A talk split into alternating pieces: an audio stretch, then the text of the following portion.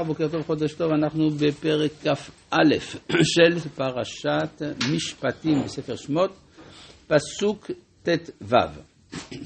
ומכה אביו ואימו מות יומת. מה זה מכה אביו ואימו? אם מדובר מכה איש, כמו מה שמצאנו מכה איש ומת, כלומר שהוא הורג, אז זה פשיטה, זה כלול בלא תרצח, אלא הכוונה אפילו שחבל בהם מכה אביו ואמו מות יומת. למה החומרה הזאת? כי היחס אל אביו ואמו הוא כיחס אל השכינה, ולכן גם יש פה חומרה יותר גדולה.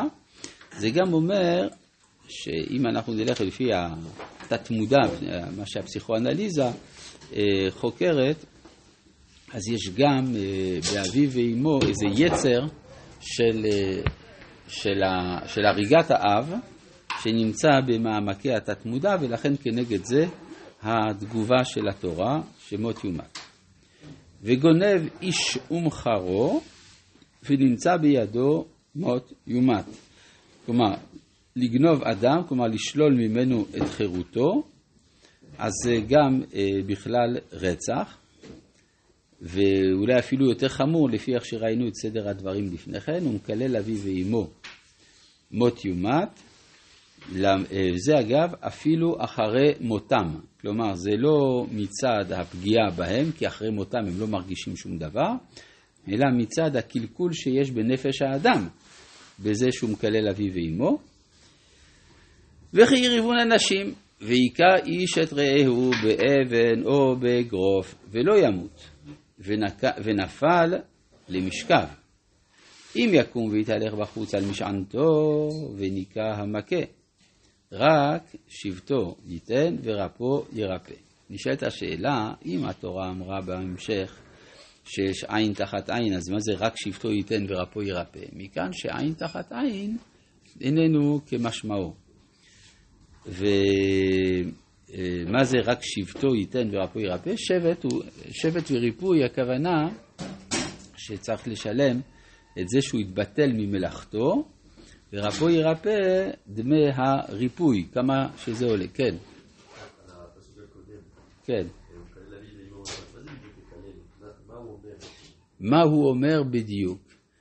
אני לא יודע. אפשר למצוא כל מיני דברים. אז זה לא, זה לא חושב שזה הכוונה, זה כמו שדרכם של בני אדם לקלל, כן? יש כל מיני דרכים, אני לא יודע. לא, לאו דווקא, צריך, אני חושב שצריך לעשות אולי לקסיקון באמת, זה יכול להיות מעניין. כן? להוציא חוברת, חוברת של מהם הביטויים הנחשבים לקללה. כן? יש בכל מיני שפות גם, זה למשל בשיבוזוק אקטופלזמה. זה יכול להיות, אני לא יודע, זה לא מומחה לקללות. זה לא בסדר, כי אם אני רוצה לשבת בסנהדרין, אני צריך לדעת הכל. כן, טוב. וכי, אז איפה, איפה היינו? כן. אם יקום ויתהלך בחוץ על משעתו, אז כן, שבטו וריפוי. זה שבט, מה שאדם מתבטל ממלאכתו, יש כל מיני אופנים איך לחשב את זה, ורפו ירפא גם אה, צורכי הרפואה והריפוי שלו, ומכאן אה, למדו שניתנה רשות לרופא לרפא. הדבר הזה הוא לא פשוט בכלל, הרשות שניתנה לרופא לרפא, כי הרופא גם מסכן. מה זה ניתנה רשות? למה צריך רשות? אלא בגלל שבריפוי יש גם סיכון. יש סיכון למתרפא, אז אפשר להגיד שב ואל תעשה עדיף. ועל זה נאמר, לא, ניתנה לו רשות אפילו לסכן את החולה, כי יש גם סיכוי שהוא ירפא. שמעתי מפי רופא פעם, שעד סוף המאה ה-18 הרפואה הרגה יותר אנשים ממה שהיא ריפאה אנשים. כן? רק מה, למשל היה הקזת דם, חשבו שזה בריא להקיז דם, אנשים מתו מזה גם. כן. אם הוא לא יקום, מה? אם הוא יקום, אם הוא לא יקום, אלא שהוא מת, זה הכוונה. אז פה כבר. כן, כלומר, היא... כן, לא, זה גם מה שהוא אמר לפני כן, הרי ולא ימות ונפל למשכב. כן, בפסוק הקודם. אז משמע שאם יקום ואם הוא לא קם, אז צריך לשלם לכאורה את הריפוי כל זמן שהוא חולה, לכאורה. כן. וכי יכה איש את עבדו או את אמתו בשבט. ומת תחת ידו, נקום ינקם.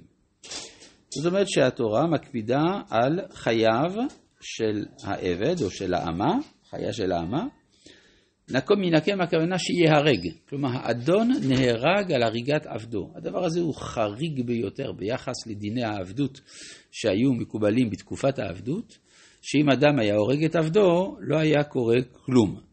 ואילו כאן התורה אומרת, אתה לא יכול להרוג את העבד. מדובר אפילו פה בעבד כנעני כמובן. נקום ינקם. ויש כאן הלכה מאוד משונה, פסוק כ"א. אך אם יום או יומיים יעמוד, לא יוקם כי כספו. מה זה יום או יומיים יעמוד? הוא לא מת מיד, לקח לו יום למות. כן? זאת אומרת, אה, הוא יכול היה... אז ברור, ברור לנו שהוא מת מן המכה, אבל זה לקח לו זמן, ולכן לא יוקם כי כספו. זאת אומרת שאם אדם הורג את עבדו של חברו למשל, אין, אין שם דין יום או יומיים, רק אם זה העבד שלו. או אם אדם הורג בן חורין, אין שם דין יום או יומיים. גם אם זה לקח לו חודש למות, נהרג המכה. אז לכאורה, יש פה דבר שלא מובן. אם כשהוא מת מיד אתה אומר שהתורה מקפידה על חייו, על דמו, עד כדי כך שהורגים את האדון, אז פתאום אם זה לקח זמן, אתה אומר כי כספו הוא, זה היה צריך להיות סברה גם למקרה הראשון. מסביר הרב קוק באיגרתו לדוקטור זיידל, שדיני העונשים בתורה הם לפי צורך ההרתעה. והצורך להחמיר בענישה היא פונקציה, זה פונקציה של סבירות העבירה. כיוון שזה לא, לא סביר שאדם יהרוג את עבדו. מדוע? כי כספו הוא. אדם לא, לא, למשל אדם כועס על המכונית שלו, הוא לא ישמיד את מכוניתו, היא לא עשתה שום דבר, לא רק זה, זה יעלה לו כסף. אז אותו דבר, כי כספו הוא, ולכן יש הקלה בדין הריגת העבד, בגלל חוסר הסבירות של ביצוע העבירה. ולכן, אה, אה, כי הרי גם להרוג בן אדם, להרוג בן אדם בבית דין, גם זה דבר לא פשוט. זה הבעיה. אז מה לכאורה, מה, מה זה משנה יום או יומיים או לא? זאת אומרת שהתורה מצאה איזשהו דרך להקל. עכשיו, יש סבירה, סברה מסוימת, כי הרי אם אדם, אדם גם יכול לעשות מעשה לא רציונלי אם הוא מאוד כועס. אם אדם מאוד כועס, סביר שהוא יכה מכה שתהרוג מיד. אז הסביר, הסבירות שאדם יכה את עבדו במכה שאיננה הורגת אותו מיד, זה, זה שואף לאפס. ולכן על זה נאמר לא יוקם כספו, כי על מקרה נדיר התורה לא, אה, לא תקפיד. כמו שמצאנו מילתא דלה שכיחא לה גזור ברבנן, דבר שאיננו שכיח, חכמים לא גזרו. אז גם התורה לא גוזרת בדבר שאיננו, שכ... שאיננו שכיח. כן? מדין הרתעה. הוא אומר זה מדין ההרתעה. האנשה, כן, יש ודאי שגם יש, אה, למען ישמעו וייראו, מצאנו דברים כאלה. כן, אבל הבסיס של כל, ה, של כל הצורך קודם כל להעניש, אנחנו מענישים על פי פונקציית ההרתעה. זה גם הרמב"ם כותב את זה במורה נבוכים, בחלק שלישי, הוא כותב את זה במפורש. כן. אה, וכי ינצו אנשים ונגפו אישה הרע ויצאו ילדיה, ולא יהיה אסון, כלומר שהיא לא מתה. אנוש יענש כאשר ישית עליו בעל האישה ונתן בפלילים. זה לכאורה כמו כל חבלה, אלא שיכולנו לומר שהעובר הוא חי.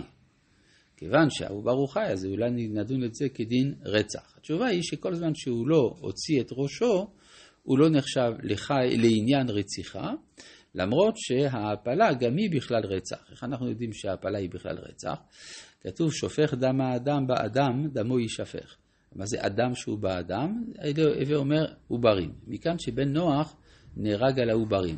אז כך שגם מי שאיננו בנוח, יהודי למשל, אז ודאי שאנחנו לא נהרוג אותו, אבל צריך לדעת שבכלל רצח זה עד כדי כך שהתורה הייתה צריכה לומר שאם לא יהיה אסון, אנוש ייענש. יכולנו לומר, לא, יש פה רציחה, אז אה, אנחנו, אה, אנחנו נהרוג אותו או לא ייענש בממון. כאשר השית עליו בעל האישה ונתן